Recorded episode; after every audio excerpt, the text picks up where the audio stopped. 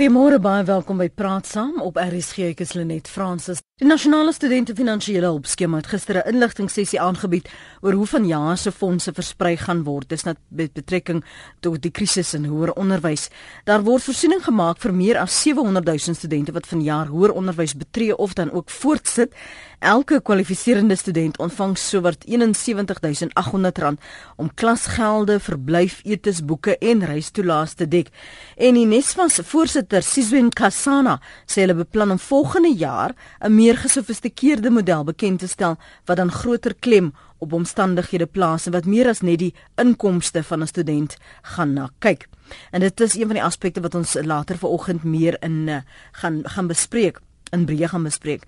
Maar hoe lyk sake nou? Wat is die taakspan se taak wat op hande is en hoe gaan daardie geld aangewend word? Kom ek stel my gaste aan jou eh, bekend en en uh, kan jy uh, saam met hulle ook gesels? Jy's welkom om saam te stem of te verskil. Ons praat eerstens met professor Andre Keet. Hy is by die Universiteit van die Vrystaat. Hy dien op die transformasiekomitee wat deur minister Blyden Zemande aangestel is. En hierdie taakspan probeer oplossings vind vir die probleme binne hoër onderwys. Goeiemôre professor Kee, dankie vir jou tyd. Ja, goeiemôre Lenet en goeiemôre luisteraars. En um, uiteindelik kan ons jou op lig kry. Ons waardeer die jou beskikbaarheid. Ons gesels ook vanoggend met Arno Esterhuizen. Hy's 'n senior bestuurder by Nesvas. Welkom ook aan jou Arno, môre. Goeiemôre Lenet. Baie dankie. Kom ons praat gou eers met professor Keet en dan kan jy vir my sê van hoe jy die geld gaan spandeer of hoe jy hoop die geld gaan spandeer gaan word Arno. Professor Keet, wat was die die taak wat jy opgelê is uh voor al hierdie bekendmakings gister? Man, uh kyk die die transformasiekomitee is nou omtrent in werking vir 2 en 'n half jaar en ons um, se breër mandaat was om na die uitdagings van transformasie in onderwys en hoër onderwys te kyk. En dit sluit natuurlik in die toegang uh en die uitsluiting van studente op grond van uh finansiële omstandighede. En so ons het uh, baie baie werk gedoen die afgelope tyd. Ehm uh, en deel van van hierdie werk het natuurlik gekulmineer in die nuutgestigte presidensiële kommissie om oor hoogs volhoubare modelle vir universiteitsbegrotings te ontwikkel en hulle moet binne 6 maande aan die president verslag doen. Ons hoop natuurlik dat hierdie kommissie gaan vir ons 'n langtermyn oplossing op die tafel kan lê. Wat is die probleme waarna jy moet kyk? Want jy sê hierdie is nou 'n halfe bykomende opdrag en julle werk is verbreed. Wat was die aanvanklike en hoe is dit nou aangepas? Nee, hierdie hierdie is is nie bykomende. Dit was nog altyd deel van ons agenda gewees. Mm. Uh die fees mag vol veldig het, maar net vir ons 'n bietjie vinnig ingehaal in die konteks van ons eie werk waar ons 'n transformasie sluit in kurrikulumtransformasie, diversifisering van die akademiese, die transformasie van die institusionele kulture op universiteite en so voort en so voort. So ons het 'n baie baie breër mandaat as net die wat die mandaat van die presidensiële kommissie sou wees. En wat die die die, die spanning sê vir my wat die impak was in die wyse waarop daar gepraat is tydens daardie uh, vergaderings wat gister se inligtingsessie vooraf gegaan het. Want aan die einde van uh, Desember het ons ook gehoor dat daar word uh, gepraat met minister Blyden se Monday en minister Blyden wanneer verwys na die taakspan. Daar is gepraat oor studente se gruwe uh, in hoeverre kon dit aangespreek word? Of is dit 'n langtermyn proses waarna gekyk word Dan uh, die fees mas vir uh, Lenet is mos nou deel van 'n hele reeks eise wat al die afgelope paar jaar op die tafel gelê was. En ek dink byvoorbeeld dat ons moet ook maar geluk gee aan die nuwe diverse en baie vaardige studente jeugleiers en studente leiers wat natuurlik nou na vore tree wat hierdie uh, kwessie vir ons nou uh so uh, hoog op die agenda geplaas is. So in 'n sin moet 'n mens ehm um, ook 'n uh, 'n uh, uh, hoed afhaal vir wat die studente tot tot so ver te vermag het. En ek dink byvoorbeeld dat die staat is natuurlik mos nou hard besig om te kyk na hierdie verskeie eise. Maar dit is 'n komplekse omgewing en studente het verskillende uh oriëntasies en politieke oortuigings en as gevolg van hierdie verskillende strategieë gaan gaan hulle natuurlik ook verskillende opinies binne hulle eie korps hê. Die hegtingsfaktor natuurlik is mos nou die fees mas vol uh veldtog, maar hoe dit bereik moet word en hoe dit uitgedruk word is baie uiteenlopend en daarom sal jy verskeie studente hê wat voel dat byvoorbeeld die proses is te stadig. Mm. Die proses gaan in die rigting waar hulle voel die rigting moet gaan nie en daarom het van hulle uit die uit die vergadering met die minister uh gestap en dan is daar natuurlik 'n hele paar aantal ander vergaderings wat op seerdie plase vind dit die minister se vergadering met die fiskanseliere van universiteite uh uh, uh gister op woensdag gewees. So in hierdie konteks moet ons maar nou net ehm uh, erken en in ag neem dat daar verskillende posisies is selfs binne studentekorps maar 'n mens moet ook 'n um, 'n soort van waardering hê vir die manier hoe hulle hierdie kwessies na vore bring. Kan ek vra of dit werklik 'n openhartige gesprek was daardie vergaderings? Man die vergaderings uit die aard van die saak het mense mos nou hulle eie standpunt oor wat is oop en wat is openhartig. Sommige studente gaan gaan sê dat die vergadering is baie waardevol geweest, hulle kon hulle stemme laat hoor. Ander gaan voel dat hulle stemme was nie heeltemal goed genoeg gehoor nie en daarom is daar 'n paar ongelukkige hier en daar.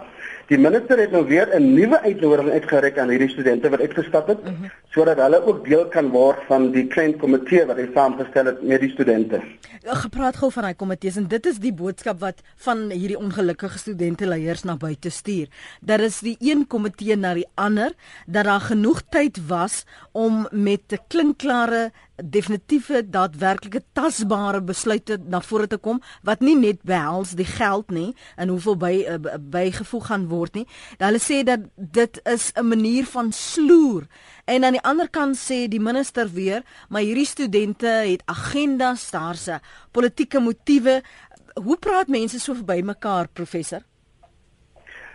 Maar die ek dink die groot gros van die studente leierskap en die groot gros van die studente uh doen dit buite enige politieke agendas. Ek dink die die feit dat ons nou vir 21 jaar sukkel om om om toegang en bekostigbare toegang vir vir behoeftige studente te skep om die hoër onderwyslandskap te betree is natuurlik 'n baie groot probleem. So hulle het baie legitieme kwessie uh, wat hulle daar op die tafel stel.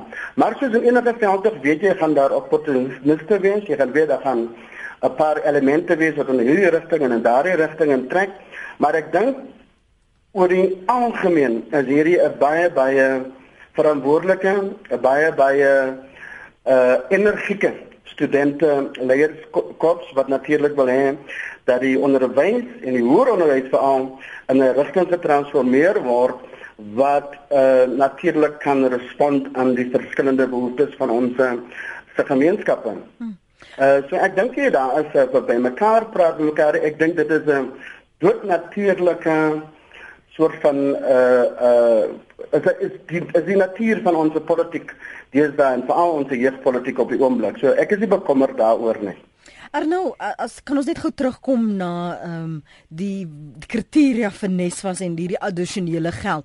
Word daardie kriteria enigstens aangepas? Gaan daar meer studente nou geakkommodeer kan word en dan onder watter omstandighede uh, word hulle ingesluit? OK, as Nesvas maak gebruik van skei kriteria en die kriteria is gebaseer op die gesamentlike inkomste van 'n aansoeker se huishouding. Dus kyk aan die armstes van die armstes op hierdie stadium. En uh, die wat wel kwalifiseer, kwalifiseer tot 'n maksimum van 71800 per jaar. Ehm um, ons gebruik van 'n program wat ons noem die means test. Ons al die nodige kriteria in ons en dit bepaal dan wie kwalifiseer.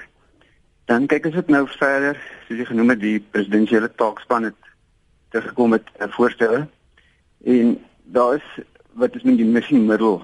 Ja, um, hoe kan hulle praat? Ja, so hulle kwalifiseer nie vir Nesvas fonds op hierdie stadium nie. En maar hulle het ook nie genoeg inkomste om uh, vir hulle studies te kan betaal nie. So is word ernstig gekyk na hierdie studente en die voorstel was om uh, 2016 planne te maak hoe dit geïmplementeer gaan word en 2018 sal dit uh, geïmplementeer word om vir dit te help. So gaan hulle nou tot daar 'n nuwe model in werking is en ander kriteria geskep word, gaan hulle nou nog steeds die missing middle bly. Ja, ongelukkig dit vat tyd om om al hierdie in plek te stel. So tot en met 2018 sal sal ons um, sal nog hierdie missing middle bly. Dis reg.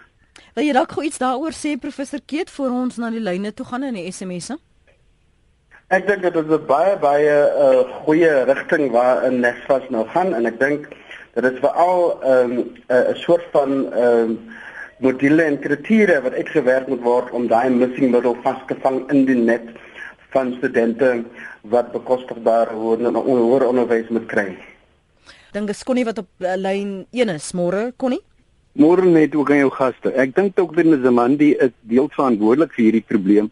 Hy en die regering het, het op, op verskillende geleenthede hulle verbind tot uh, hierdie hierdie probleem. Nou dit is nodig dat daai daai mense gehelp word, maar die verwagting is geskep en let wel dat alle skoolverlaters, alle skoolverlaters toegang tot universiteite kan kry. My vraag is watter kriteria word hier uh, gebruik? Ek bedoel as ons sê alle skoolverlaters is is daar regtig 'n probleem. Kom ons begin dat uh, uh is daar regtig uh, genoeg uh dosente? Is daar genoeg infrastruktuur en hulpbronne by hierdie universiteite? Kom ons praat van lesinglokale, toerusting en so meer. So ek ek dink ons sit regtig met 'n probleem dat sekere verdienstelike studente en diegene wat op Merite geleenthede tot onderrig moet kry, dit dit gaan van hulle ontneem word. En dan as ons praat van fondse, dink ek moet daar dringend uh, gekyk word na die bestuur en administrasie. Daar's 'n nasionale studente finansieringshulpskema, NAFSA, wat miljarde beloop, maar dit dit dit word nooit die studente bereik nie. En ek dink die regering sal nou dringend moet kyk na naskoolse geleenthede vir studente. Mooi dag vir julle. Baie dankie Connie. Ek gaan vir jou kans gee Arno om dalk jou gedagtes daaroor te deel. Ek het nog 'n paar ander punte wat ek juis oor uh, dit wil vra. Ja, kyk, ehm um, dit daar is maar 'n tekort aan fondse. Die, die aanvraag raak elke jaar hoër. So dit is moeilik om vir almal ehm um, vir studies te kan betaal. Maar dit, dit is 'n prioriteit vir die regering en ons het byvoorbeeld beoog as om hierdie jaar 405 000 studente te help en dit is 'n verhoging van uh 10 miljard rand van laas jaar van 9,5 miljard rand. Uh en 'n verdere 4,6 miljard rand is beskikbaar gestel aan vir om studente te help wat die afgelope 3 jaar nie uh hulle studies volledig kon betaal nie en, en om hulle die geleentheid te gee om om hulle studies te voltooi. So daar is definitief 'n uh, prioriteit gestel om ehm um, meer fondse beskikbaar te stel om meer studente te help. Arno daar was ook die, ja, professor Keet. En ek kon net aankom maar maar maar dit is ook so dat 'n aantal analises uh, toon dat Suid-Afrika wel 'n werkbare model vir bekostigbare en selfs gratis hoër onderwys vir behoeftige en verdienstelike studente en en hulle families in werking kan stel. Praat jy nou skielik uh, verwys jy na die Derek Swarts uh, ondersoek? Ekskuus? Verwys jy nou na die Derek Swarts ondersoek? Nee, daar is 'n hele paar ondersoeke. Dit is nie daai een ondersoek ook nie. Daar is 'n hele aantal analises wat al wel so getoon het. En ek dink byvoorbeeld deel van die presidensiële kommissie is juis om te kyk hoe ons 'n nuwe befondsingsraamwerk daar kan stel om dit moontlik te kan maak. Onthou dat ons um, ons begroting vir hoër onderwys uitgedruk as 'n persentasie van ons bruto binnelandse produk is maar rondom 0.8% op die huidige oomblik terwyl die nasionale en internasionale standaarde dit hier rondom 2.5% uitdruk. So daar is ruimte binne ons uh, befondsingsraamwerk op 'n nasionale en 'n tesourier vlak waar hierdie probleem aangespreek kan word. Kon nie maar natuurlik 'n baie baie verskriklike belangrike punt in die konteks van beide die verdienstelikheidskriteria wat aangewend moet word, infrastruktuur, dosente Al die planne is in plek. Die departement is nou besig om te bestuur 'n snel groeiende sektor met verskillende colleges en verskillende ander entiteite om hierdie sektor al hoe groter en al hoe groter te maak sodat daar meer toegang vir die aantal studente is wat natuurlik die skoolstelsel verlaat. So ons is op die oomblik op die regte pad. Ons het 'n bietjie te lank gevat daarmee. Kan ek daarmee saamstem en ek dink dat koning se kritiek teenoor die regering wat nou 'n bietjie aan die slaap was, uh, is ook op die op die bol, op die punt. Ja, ek ek is bly jy sê dat hulle was bietjie aan die slaap. Ek dink as 'n pa, paar goed wat verkeerd was, maar so gepraat van kritiek. Ehm um, die kritiek was ook wat genoem is dat uh, Nes was ehm um, daar by sekere departemente bedrog was. Ehm um, wanbesteding van van hierdie fondse. Hoe gaan ons seker maak dat die bykomende geld, die biljoene waarvan die miljarde waarvan ons nou praat, dat dit veilig is en in veilige hande is professor Keet? Wat is in plek om daardie soort beskerming en en gerusstelling vir vir ons te bied? Nee, ek dink jy moet daai vraag vir my radio maar ek vra hulle net. nee, ek het nog gewonder of of dit ook 'n aspek is waar jy oor openhartig gesels het, maar kom ek laat ek maar vir Arno Arno in die warm stoel sit Arno. ja, ek dink dan net nee, kyk uh, die baie van die die bedrog wat so dan ehm um, blikbaar gepleeg is was by die ehm um, by van die instansies en ons het nou 'n nuwe studentgesentreerde model begin implementeer 2 jaar gelede. So ons is nou in 'n fase waar ons al 30% van die instansies op hierdie nuwe model het. En met hierdie model eh uh, skakel ons vas direk met die student. So die student kan direk aansoek doen aanlyn en ons skakel basies die middelman uit waar en dit vind sy bedrog hopelik vermindering in die toekoms. Maar jy weet ook Arno, um, Arno, baie studente het nie as hulle juis behoefend is, het nie noodwendig toegang tot internet of rekenaars waar hulle aanlyn aansoek kan doen nie. Is half afhanklik van die personeel by sekere van julle kantore. En daar was al ook in die verlede aantuigings dat daar wanvoorstellings gemaak word wanneer sommige studente aansoek doen.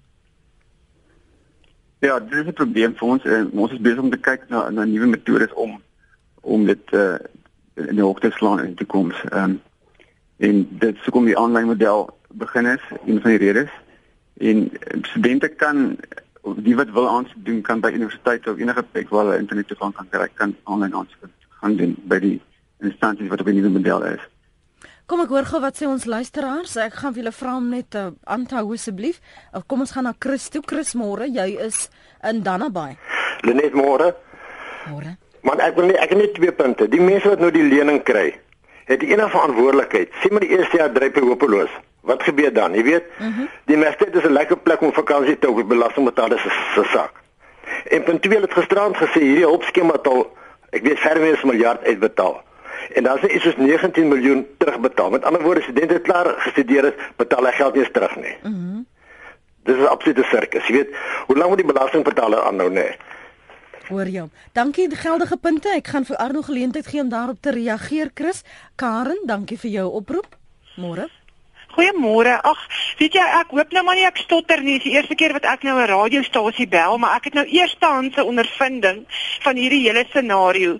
Jy weet, ek is 'n enkel ouer met 'n dogter op universiteit. Ehm um, sy sy moet nou hierdie jaar haar 4de jaar doen om haar regsgraad te kry. Ek het aansoek gedoen vir NSFAS en ek word net eenvoudig as 'n een enkel ma afgeskiet. Dan weet jy wat gebeur. Ek weet hierdie mense probeer hulle heel beste om die regte dinge te doen en vir die regte mense te gee. Dan met my dogter in 'n ry gaan staan om 'n handboek van R3000 te koop wat sy nodig het. Dan kom 'n NSFAS student en gee vir haar sy geld en sê koop die boek, gee my 'n bietjie geld. So NSFAS word regtig nie reg bestuur nie. Weet jy, ek sit met 'n student wat heel waarskynlik nie hierdie jaar kan registreer nie oor ek uitstaande skuld het en weet jy wat sy dryp nie? Sy's 'n student wat haar beste lewer. Die mense om haar wat NSFAS kry, dryp val uit. Um, ek weet nie waartoe gaan dit nie. Hmm. Dankie. Dankie vir die inbel Karen en dankie dat jy so openhartig gesels het en anoniem in Gauteng, lyn 4. Môre. Ag ja, hallo, goeiedag. Ek het in 84 matriek geskryf wat 85 by Technikon Pretoria gaan swaat en ek moes 'n lening by die bank kry. Daai tyd was dit nog Volkskas. My pa moes 'n polis sedeer aan die bank tipe van vir collateral of whatever ook al en ek het jare daarna toe klaar geswaat het, moet ek nog afbetaal my lening vir die bank en ek het regtig vir Jenny ek het vir niemand gevra, ek het nie vir die regering gevra nie. Daai tyd het die regering nie eens na my gekyk het nie. En elk geval wat ek eintlik wil sê is ook hulle moet kyk na die tweede en derde jaar studente. Hulle moenie geld vir die eerste jaar studente nie want die meeste van die lot val uit want hulle wil net party party party. Ek was self daar. Ek eh, ons ons het bok gepop tot in 2 uur die oggende. Ja. Dis hoe dit gewerk het, maar ek het gedeur gekom en ek is ek is vandag is baie suksesvolle vrou, maar op my eie eie eie eie en my pa se geld want hulle moes vir my betaal op die boektegnikon. Dankie dame. Baie dankie daarvoor uh, anoniem hier in Gauteng. Miskien vir jou Arno. Kom ons praat oor hierdie uitstaande skuld daar waar daar lenings aangegaan is. ehm um, hierdie bykomende geld gaan dit nou sommer daardie lenings afskryf? Wat is die verpligtinge, verantwoordelikhede en waarom nie meer belê in tweede of derde jaar studente nie? Want die eerste lot val in elk geval uit en as ons kyk in werklik na die persentasie van studente wat hulle eerste jaar slaag, dis is dit kommerwekkend. Ja, kyk, uh, die wat nie hulle eerste jaar deurkom nie, kan nie kwalifiseer nie weer vir 'n misvatlening in die tweede jaar nie. Wat word van um, hy geld? So, so dit dit die die student word debiteer op 'n misvatstelsel en uh, die invorderings was nie baie goed die afgelope tyd nie, so daar is dit is geprioritiseer om invorderings te verbeter. Uh so byvoorbeeld ek het gou vir julle verduidelik hoe dit werk. Asseblief. Die ehm dis wat is 'n geregistreerde kredietverskaffer volgens die nasionale kredietwet. En hulle sal ons sal regstappe begin neem teen die debiteure wat 'n inkomste begin verdien het, maar nie as skuld terugbetaal het. Want hoe net vas lening op die stadium werk is die debiteur of net slegs te begin terugbetaal sodra hulle inkomste verdien en die jaar na hulle inkomste begin verdien het. Goed, so dit is hoe dit op die oomblik werk. Sê nou ek het nie my eerste jaar geslaag nie Arno, maar ek het 'n beurs gehad. Wat dan? Wanneer moet ek hy geld terug begine betaal? Want kyk, ek werk ook nie. Ja, op die stadium is die reël net eers as jy inkomste begin verdien, want op die die mense aan wie jy lenings toestaan is die armste van die armste. Daar's geen manier wat hulle kan terugbetaal indien hulle nie 'n werk het nie. So ons het uh, dinge in plek om ons skakel met SARS. Dis sodra daai mense inkomste begin verdien, kan hulle die geld kan begin terugbetaal sal sal hulle opvolg so so of Net kan ek ook 'n bietjie daar aankom. Hou net so vas professor Keet. Ek wil net absoluut seker maak want ek die besigheidsmodel maak nie vir my sin nie. So julle begroot dan Um, en het die afgelope paar jaar begroot dat wanneer um, studente nie hulle eerste jaar suksesvol klaar maak nie, dan is dit maar nou net so die wat dis geld in die water. Arno? Ja, ek ek sal dit dit nooit 'n werk gaan kry en dan sal dit nooit ingevoer word. So dit is een van die probleme. Uh Goed, uh, professor Kiet, wat u wou sê? Man, ek ek dink byvoorbeeld dat uh, dat dat dat iemand soos Karen se dogter moet natuurlik gehelp kan word. En dit sal nog goed wees as hy maar direk met met met Arno kan skakel want ons moet ook maar in die konteks van 'n gesprek soos hierdie nasionaal ook kan wys dat ons um, kan kan respond teenoor hierdie kwessies wat op die tafel gelê kan word en daar is natuurlik duisende gevalle mm. soos die wat Karen nou daar genoem word dan anoniem byvoorbeeld eh uh, sequencing en 'n mens moet maar nou baie versigtig wees oor hoe jy hierdie studente onder dieselfde kam skeer. Daar is natuurlik mos nou studente wat die universiteit gebruik as 'n partytjie plek, maar hulle is 'n baie baie klein groepie.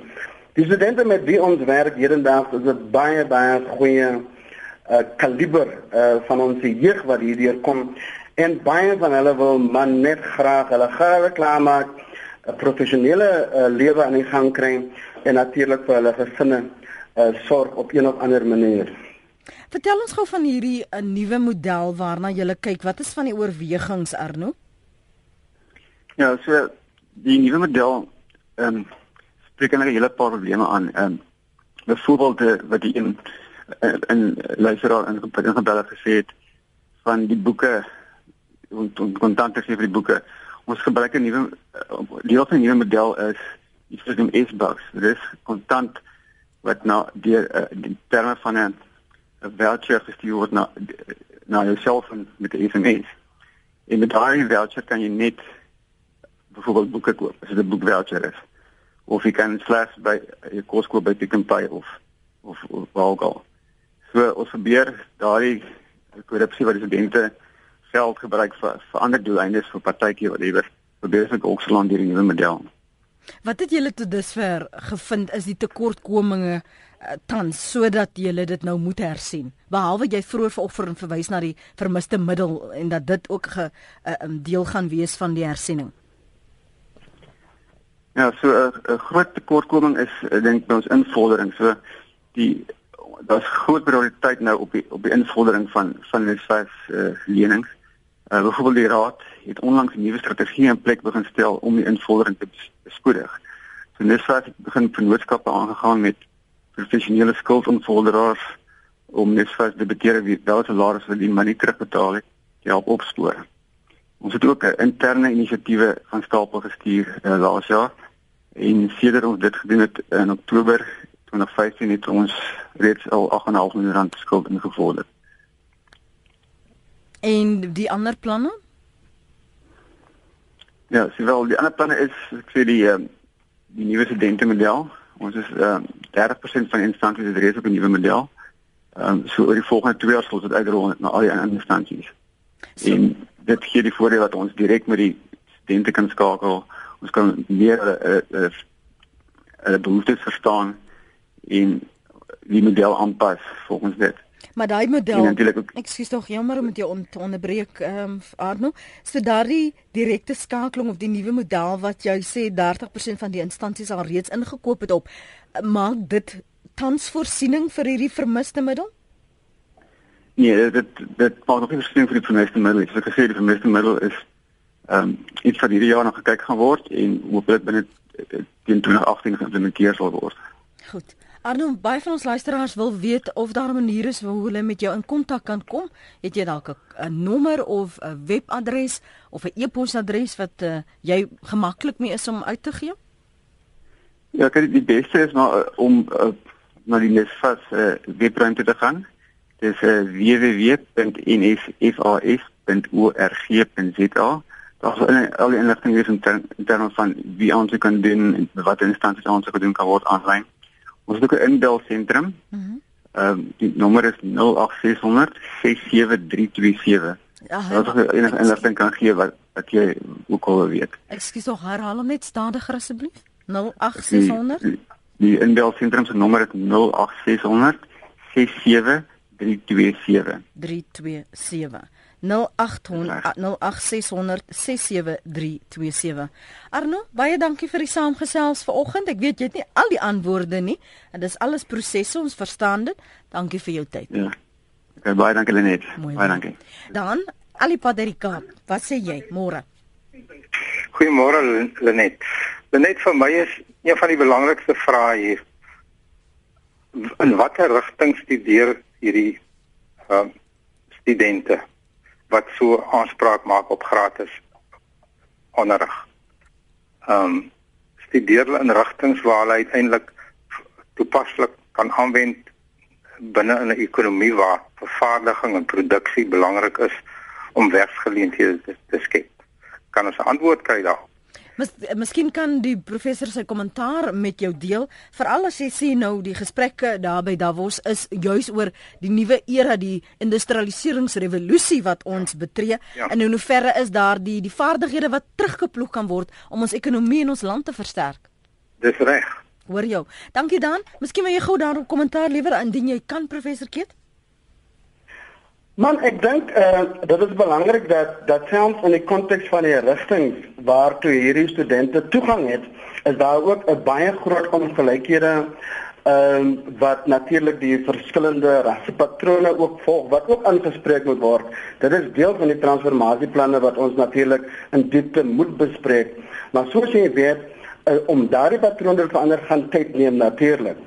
Die ander kwessie wat ek wil aanraak wat dan nou, wat dan nou op die tafel sit is dat in die, die natuurwetenskappe, die mediese wetenskappe, die wiskundige wetenskappe, die tegnologiese wetenskappe, die ingenieurswetenskappe, hulle is almal baie belangrik vir die ontwikkeling van ons land, maar die sosiale wetenskappe is net so belangrik. Ons weet byvoorbeeld dat 'n land se sosiale omgewing, sy samelewing, sy verskillende gemeenskappe het verskillende vaardighede nodig. Van maatskaplike werkers tot by sosioloë tot by sosiale analiste tot by die ingenieur wat vir ons moet gebou oprig en al hierdie soort van dinge in paie moet bou en mense wat natuurlik in die tegnologiese rigtings instudeer. So 'n mens kan nie 'n direkte keuse maak rondom in watter rigting uh verskillende studierigtings gepromoveer moet word. Die, ons moet eerder kyk na gebalanseerde studierigtings wat die hele konteks van ons behoeftes dek in verskeie uh uh velde. Hmm. Daar's nog 'n luisteraar, Hein, in Port Elizabeth dink ek, Hein, is ek reg? Ja, yes, dit is reg. Môre net. Ehm um, ek het dit ek het nou al 'n lang tyd wat ek al uh, moet van my vriende en so gesels oor die studente en die, die lenings wat hulle kry. Uh ek dink dit is 'n uitstekende idee om om om lenings vir studente te gee, maar wanneer dit kom by die invordering sit ons met 'n probleem en paar van die probleme wat ons mee sit is studente gaan universiteit toe om 'n uh, 'n kwalifikasie te gaan kry. Maar binne die kwalifikasie raamwerk sê die student voltooi sy eerste jaar, maar in die tweede jaar val hy uit. Dan stap hy uit die universiteit uit met 'n onvoltooide kwalifikasie. Hy kom by my aan, ek kan nie van my werk gee nie want hy het geen papier om vir my te hmm. bied nie. As ons die kwalifikasie raamwerk van swart kan verander laat 'n student na eerste jaar byvoorbeeld sê 'n sertifikaat kry en na tweede jaar 'n tipe van 'n diploma of dan dan kan hy in die werksmark nog steeds ingaan al het hy nie sy graad voltooi nie mm, kan hy in die mm. werksmark ingaan en dan is die geleentheid en die kans om daai geld terug te kry wat hy geleen het mm. is soveel groter dan natuurlik um, studente wat hulle grade gekry het en dan hou hulle op om terug te betaal nou ek dink die beste skuldinvorderaar in die land is SARS mm -hmm. as daai persoon by my kom werk en sy ID-nommer word ingesit uh vir as jy in daai klas van goeder dan sal SARS se dadelik optel dan kan hy vir my 'n notifikasie stuur om te sê hoor hierso hierdie persoon het geld vir wat wat verskuldig is aan ehm um, aan Nesfas. En op baie maniere kan dit dan van sy belasbare inkomste kan ek dit aftrek. Ek kan dit oorbetaal aan SARS en SARS kan dan weer daai geld teruggee aan Nesfas. Op baie maniere kan die privaat sektor ook dan help om daai geld terug te kry in die stelsel. Uh dit dit ek dink dit gaan baie beter wees as om dit oor te handig aan skuldinvorderaars om by die by die studente te kry. En uh so op daai manier boorde mense en dan natuurlik die die ander opsie is ook dat die studente wat wel in beroepe ingaan waar dit moontlik is, moet vir 'n sekere aantal jaar teen dalk 'n laer vergoeding as wat in die privaat mark sou gekry het, 'n gemeenskapsdiens gaan doen binne in die regeringssektor waar die regering dan weer daai geld kan terugkry om in Nesvas in te druk. Uh maar ja, daai ek dink om mens moet gaan kyk na die na die kwalifikasie raamwerk ook sodat hmm vir daai studente wat wel uitvat dat hulle dan moet iets uitstap na jaar 1 mm. of na jaar 2 mm, mm. om dan in die werksmark in te gaan nee. En so verseker jy dat jy gouer daardie terugbetaling kan fasiliteer, maak sin. Verseker. Baie dankie daarvoor Hein. Kan hoor jy dit goed daaroor genagedink. Uh, kom ons praat verder met professor uh, uh, Keet vanmôre, Andre Keet, um, na aanleiding van van ons gesprek en die punte wat jy aangeraak het. Uh, as die uh, Sandra sê hoeka hier op ons webblad www.rsg.co.za. As die beurstoedeling nie op 'n bewese besigheidsbasis bedryf word nie, is dit van die begin af gedoem. Sekere politieke partye laat verstaan mense hulle is geregtig op universiteitsopleiding sonder om te noem dat daar saam met dit 'n verantwoordelikheid kom. Die student wat weet hy gaan nie die paal haal nie sien dit as partytjie partytjie geld. Piet sê weer interessant wat die een deel waar is o wag, laat ek hom gou terugroep hier. Ehm um, ekskuus julle. Interessant wat die een deelnemer genoem het van SARS ten opsigte van inligting wat SARS verskaf of inkomste verdien word al dan nie weet nie of dit wettig is nie. Net nou weet my buurman wat my inkomste is skryf Piet. Dink jy mense wil dit hê nie net Piet? Anoniem sê weer wat het geword van afstandsonderrig? As voornemende student werklik wil studeer sal hulle dit ook doen terwyl hulle enige werk doen om daarvoor te kan betaal. Ek het 5 jaar aan klasse bygewoon met 3 kinders as enkelouer om 'n hoër diploma te bekom. Waar daar 'n wil is is daar 'n weg As ek kyk na die SMS'e verduidelik net vir my wat die armste van die armstes beteken. Ek is 'n enkel ouer en word nie aanskou as arm nie. Ek het net 'n salaris elke maand en niks ekstra nie. Ek moet elke jaar verklaringe by die polisie gaan aflê om te verduidelik hoekom ek nie skoolgelde kan bekostig nie. Dit raak nogal 'n verleentheid. Dis nou kwart voor 9. Dis praat saam op RSG. Ons kyk na aanleiding van gister se aankondiging uh, dat daar nou bykomende fondse gaan wees vir studente studente, behoewende kwalifiserende studente, um, om hulle studiegeld, registrasiegeld, klasgelde, verblyfboeke, reistoelaas en so aan te dek. Hoopelik nou nie vir party nie.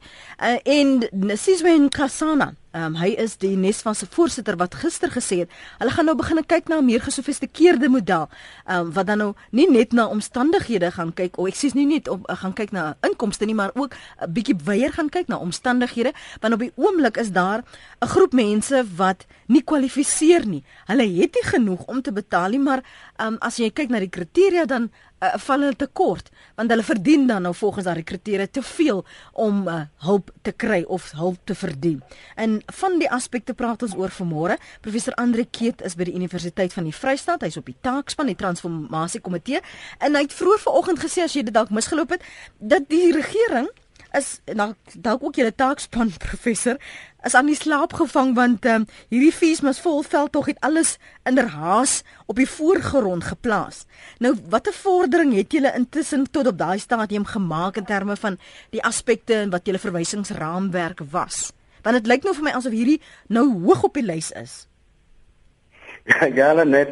Ek meen ek ek moet erken dat uh, die aan die slaapvang uh, storie gaan natuurlik vir baie mense interessant is, maar ons moet ook maar erken in ons konteks van ons werk waar ons 'n uh, bietjie tekort skiet en 'n soort van pas wat ons moet aangee om die stelsel te transformeer in 'n meer uh, uh, in 'n rigting en wat sin maak vir ons land.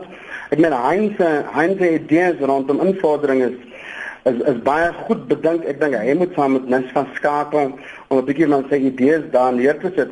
Maar in die breër konteks ehm um, gaan die idee van invordering en lenings ook mos onder die ver, vergrootglas kom omdat die kom, presidentsiële kommissie moet kyk na die haalbaarheid van van vry hoër onderwys. En so daai probleem kan ek dan op die lange op die lange duur uitgeskakel word of dit gaan nie nodig wees nie.